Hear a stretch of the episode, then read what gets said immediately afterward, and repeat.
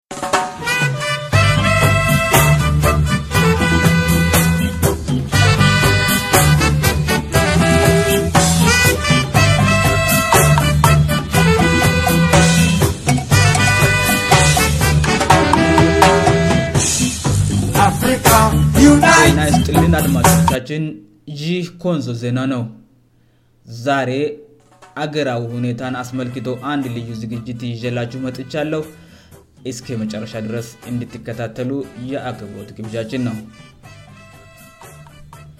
አድማጮቻችን ባለፈው ሳምንት በኢትዮጵያ ላይ በስውር የተሰነደ አንድ ሰነድ ፋ መውጣቱን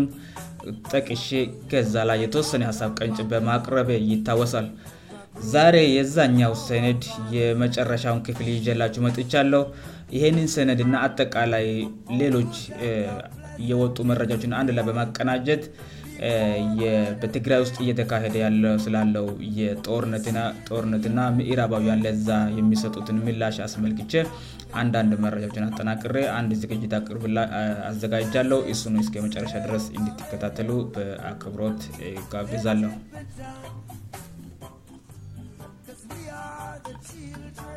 ሂዳር ሁለት ሺ አ0ር እንደ አውሮፓውያን ዘመን አጣጠር ሙሀመድ ቡአዚዝ የተባለ የቱንሲያ የአታክልት ነጋዴ ፖሊሶች ፈቃደልህም በማለት አታክልቱን ወረሱበት በዚህ ድርጊት የተናደደው የ ሀ6ድስት አመት ወጣት በአደባባይ ላይ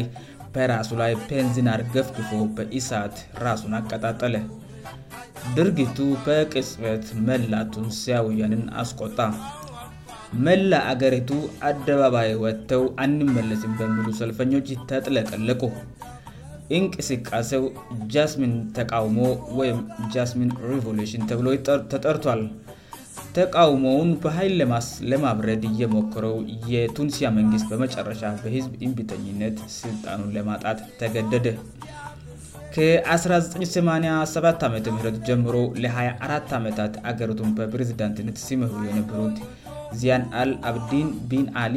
የስልጣናቸውን ለቀቁ ጥቅምት 211 ዓም ቱኒሲያ ምርጫ አካሄዳ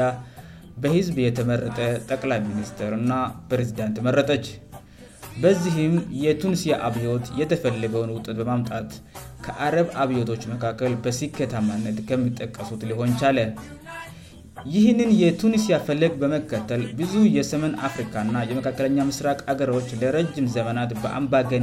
በአምባገንነት ሲመሯቸው የኖሩትን መሪዎች በአብዮት ለመጣል ብዙ ተንቀሳቀሱ እነዚህ ሀገራትም ግብፅ ሊቢያ ሶሪያ የመንና የመሳሰሉ ሀገሮችን ያካተተ እነዚህ ሀገራት በተለይ ሊቢያ ና ሶሪያ ዴሞክራሲያዊ ስርአት ግንባታ እንፈልጋለን ብለው ወደ አደባባይ ተቃውሞ በወጡበት ጊዜ አአሜሪካና የምዕራብ ሀይሎች እጃቸውን አስገብተው ነበር ሆኖም ግን አገሪቱ የዴሞክራሲያ ስርአት ግንባታ ተጨናቅፎ ወደ ማያአባራ የእርስበርስ ጦርነት ውስጥ መዘፈቃቸውን ቀጥሉ የቀድሞ የአሜሪካ ፕሬዝዳንት ባራክ ኦባማ በፕሬዝዳንትነት ዘመኑ ከፈጸማቸው አስከፊ ሲህተቶች መካከል አንዱ ሞሐመድ ጋዳፊን ከስልጣን ለማውረድ ጣልቃ መግባታቸው እንደሆነ ገልጾ ነበር ጥቅምት 24 2013 ዓም ህወሀት በዘመን ኢዝ ላይ ከባድ ጥቃት ከፈጸመ በኋላ በኢትዮጵያ መንግስትና በህወሀት መካከል የይፋ ጦርነት መጀመሩ ይታወቃል ጦርነት በኢትዮጵያ መካከል ጦርነቱ በኢትዮጵያ መከላከያ ሰራዊት አሸናፍነት ለመጠናቀቅ በተቃረበበት ጊዜ ና ተላላቅ የህወሀት ባለስልጣኖች ገሚሶቹ ሲደመሰሱ ሌሎቹ ደግሞ በቁጥጥርስር ሲውሉ ድርድር አድርጉ የሚሉ ድምፆች በአለም መገናኛ ብዙሀን ይሰሙ ጀመር ትንሽ ቆይቶ የኢትዮጵያ መንግስት የተናጥል ትኩስ አቁም ስምምነት አድርጎ ከትግራይ ክልል ሲወጣ የህወሀት ኃይል እንደገና ተደራጅቶ ውጊያ ጀመረ የኢትዮጵያ መንግስት እንደገና የራሱን ለመከላከል ዝግጅት ሲጀምር አሜሪካ ጣልቃ ትግባ የሚሉ ጥያቄዎች መነሳታቸው ይታወቃል ለመሆኑ ድርድርና አሜሪካ ጣልቃ ትግባ የሚሉ አጀንዳዎች ፖለቲካዊ አንደምታቸው ምንድን ነው ብለን እንጠይቅ ከዚህ ቀደም ከአበይ መንግስት ጋር የተረፉ አንዳንድ ፖለቲከኞች የሽግግር መንግስት ይቋቋም የሚል ጩኸት ሲያሰሙ እንደነበረ ይታወቃል ለመሆኑ የሽግግር መንግስት ማቋቋም ለምን አስፈለገ ዛሬ በምዕራባውያን የምራቀቡ እነዚህ ሶስት ጥያቄዎችን አንስትን ፖለቲካዊ አንደምታቸውን ለመዳሰስ እንሞክራለን አንደኛ የሽግግር መንግስት ይቋቋም ሁለተኛ ሁሉን አቀፍ የፖለቲካ ድርድር ጀመር ሶስተኛ አሜሪካ ጣልቃ ትግባ የሚሉ ጉዳዮችን አንስትንፈትሽ ትንታንያችንን በቅርቡ በወጣው ፍሮም ፓስማ ቱ ኢትዮጵያ c fc ሌል ጆርናሊም ንት ኢንን ዋ ሎ አጋኒስት ኢትዮጵያ በምለው ሰነት ላይ አስደግፌን ከጥያቄዎች ጀርባ የታዘለውን እኑተኛ ምስጥር ለመግለጥ እንሞክር ኮማን ን ወይ ደሞ c c ባሻር አልአሳድን መንግስት ከስልጣን ለማስወቅል ስራ ላይ ከዋለው ፕሮጀክት ፓስማ የተሰኘ ስትራተጂ የሚመስል ና የኢትዮጵያን መንግስት ከስልጣን አውርዶ በመቲኩ የሚመቻቸውን ቡድን ወደ ሥልጣን መበር ወደ ስልጣን መንበር የማውጣት ሲውር አላማ ያለው እንደሆነ የወጣው መረጃ ያመለክታል በወቅቱ የአልአሳድ ስልጣን ያልወደዱ ኳታር ቱርክ ሳድ አረቢያ ከአረብ ሊግ ከአሜሪካ ና ከአውሮፓ ህብረት ጋር በማበር በአሳድ ከፍተኛ ባለስልጣናት ላይ ማይቀብ መጣላቸው መረጃዎች ያመለክታሉ በወቅቱ የተባበሩት መንግስታት የጸጥታው ምክር ቤት በአልአሳድ አስተዳደር ላይ ሪቨሉሽን ለማሳለፍ ጥረት ያደርግም በቻይናና ሩሲያ ውድቅ እየተደረገባቸው መቆየቱ ይታወቃል ይህ ታሪክ ዛሬን በኢትዮጵያ ላይ እየተደገመ ይገኛል ከወታደራዊ ኃይል የአልአሳድ አስተዳደር ለማስወገድ በተጨማሪ በአለም ማህበረዘብ ዘንድ ተቀባይነት እንዲያገኝ ና እሱን ከስልጣን ለመጣል የምደረገው ጦርነት ፊትሐው ለማስመሰል ምዕራባውያን ሚዲያዎቻቸውን ተጠቅሞ እንዴት እንዲሰሩ ከላይ የቀረበው ሰነድ ያብራራል ይህ ፕሮጀክት የተከተለው ራጂስትራቴጂ n ሰ nng ን ኦሬና ፖርት ሪ ፖን ኢንዲ የሚል ሲሆን በየ አካባቢው ነፃ የሆነ ተጨማሪ ሜዳዎችን በማቋቋም በመንግስት በኩል የሚወጡ መረጃዎችን ለማፈን ተጠቅመውበታል ፓስማ ራሱን በሲቪል ሶሳይቲ ጭምብል ሲር የደበቀ የሶሪያን መንግስት ሊዘነጣጥል ያደፈጠ ተብላ ነበር ይህ ቡድን የአብይን መንግስት ከስር ገስጊሶ ለመጣል ከሚዶልተው ሲቪል ሶሳ ግሩ የተሰኝ ና የኬንያ መንግስት ከአማፄዎችን ማለትም ህወሀትና ኦነክሸነን እንዲደግፍ ሌጥ ቀን የሚተጋ ወትዋጅ ቡድን ጋር ይመሳሰላል ይህ በአላሳድ መንግስት ላይ በስውር ስራ የቆየው ራ በሀያሀያ እንዲ አውሮፓውያን ዘመን አቆጣጠር መረጃው ከመጋለጡ ባሻገር ሰዎቹም ድርጊቱን እንደፈጸሙ አምነዋል እነዚህ ሰዎች የሚዲያ ፕሮፓጋንዳ በመጠቀም አለም በሙሉ ለአማፅዎች አዘነታይን እንዲሰማው እና የመንግስት ለውጥ እንዲካሄድ መስራታቸውን አምነዋል ፓስማ ይህንን ተግባሩን እንዲከውኑለት በርከት ያሉ አክቲቪስቶችን መልምለዋል አክቲቪስቶቹም የጻፉትን ለዋና ሚዲያዎች ከማሰራጨታቸው በፊት መረጃዎች ዋና ኤዲተሮች እያቀረቡ አርቲት ስራ ይሰሩ ነበር በፕሮፓጋንዳው ላይ የተሰማሩ ዓለም አቀፍ ሚዲያዎች መካከል እ ቢቢሲ አልአረቢያ አልጃዚራ እና ኦሬንት ቴሌቪዥን ይገኝበታል ዛሬም በአብይ መንግስት ላይ ተመሳሳይ የሆነ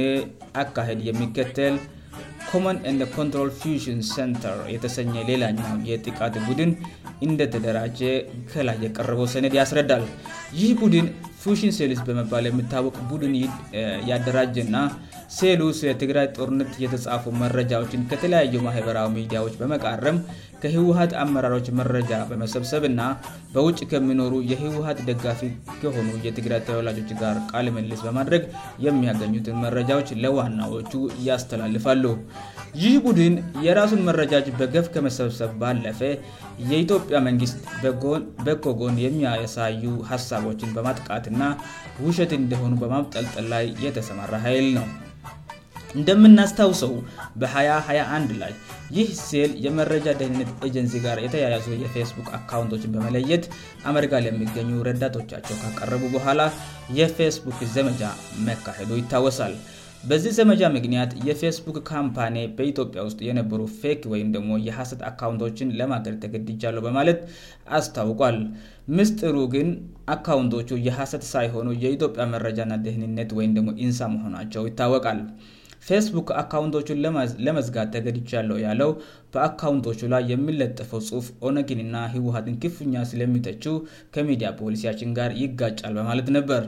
ይህን በማድረጋቸው የመንግስትን ሚዲያ ተጠቃምነትን በመቀነስ የህወሀትን ጭውህት ብቻ ክሩቅ እንዲሰማ ማስቻሉ ሰነዶ አብራርቷል በኢትዮጵያ ላይ የተከፈተው የሚዲያ ጦርነት ሶስት አጀንዳዎችን እያነገበ ነው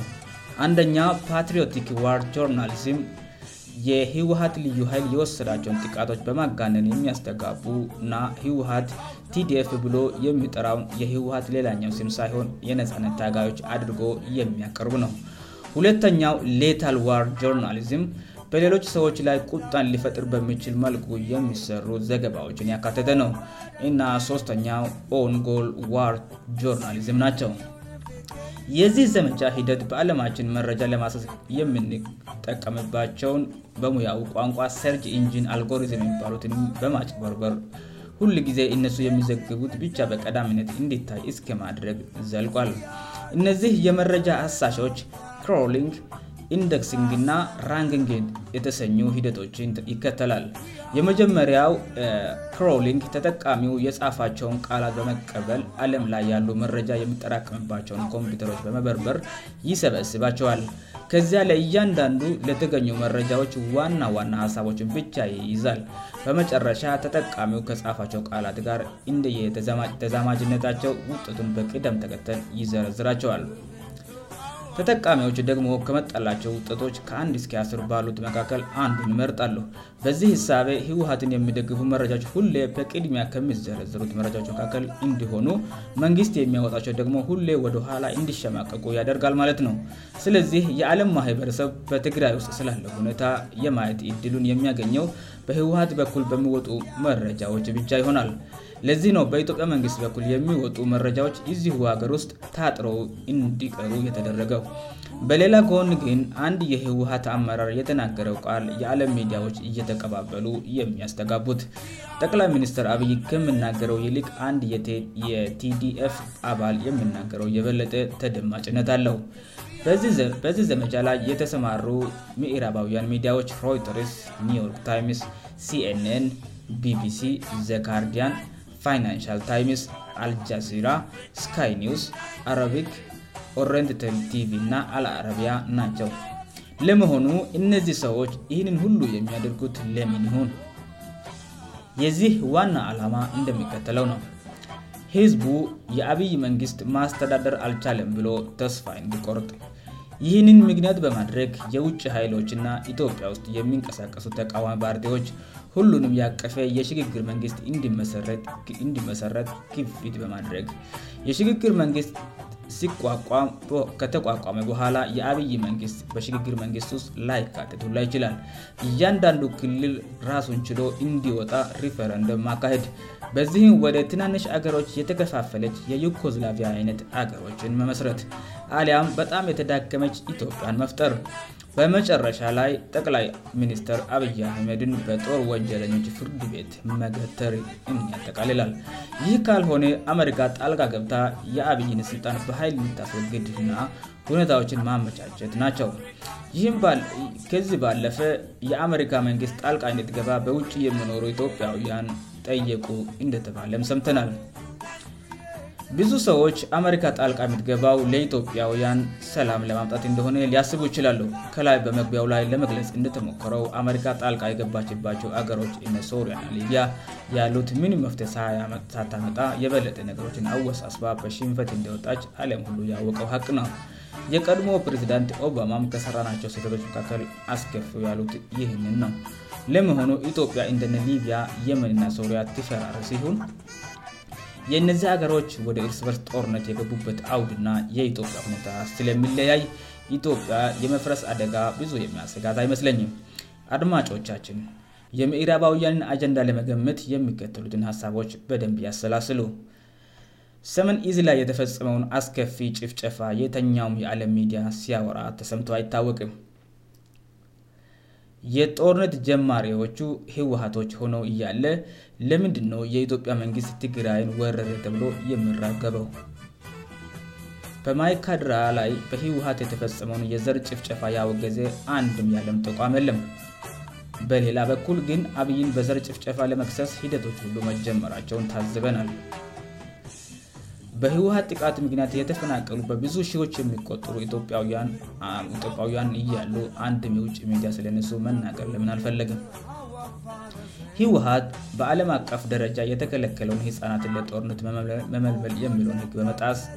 ትናንሽ የሆኑ ህጻናትን ለጦርነት ሲያሰማራ አንድ ያወርገዜ ያለም ሚዲያ የለም ብዙ ጥያቀ በመጨረሻ የምራ ባውያን የተሳሳት ስልጥ ኢትዮጵያን በመነካካት የሚያፈር ሷት እየመሰላቸው ብዙ መገጨላቸው ነው ኢትዮጵያን ከሌሎች ሀገሮች ልየት የሚያደርጉ ጉዳዮች መካከል በውጭ ኃይሎች ሲነቁ አንድ መሆናቸው ነው ዛሬውም በየአደባባዊ የምናየው የተቆጣ ህዝብ ሰልፎች የዚህ መገለጫ ነው ኢትዮጵያ ትቅደም አቆርቋዦቿ እዩው ደሞ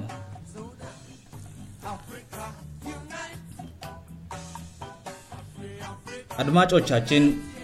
ለዛሬ ያዘጋጀነው ልዩ ዝግጅት ይህንን ይመስላል በቀጣዩ በሌላ ፕሮግራም እስከምንገናኝ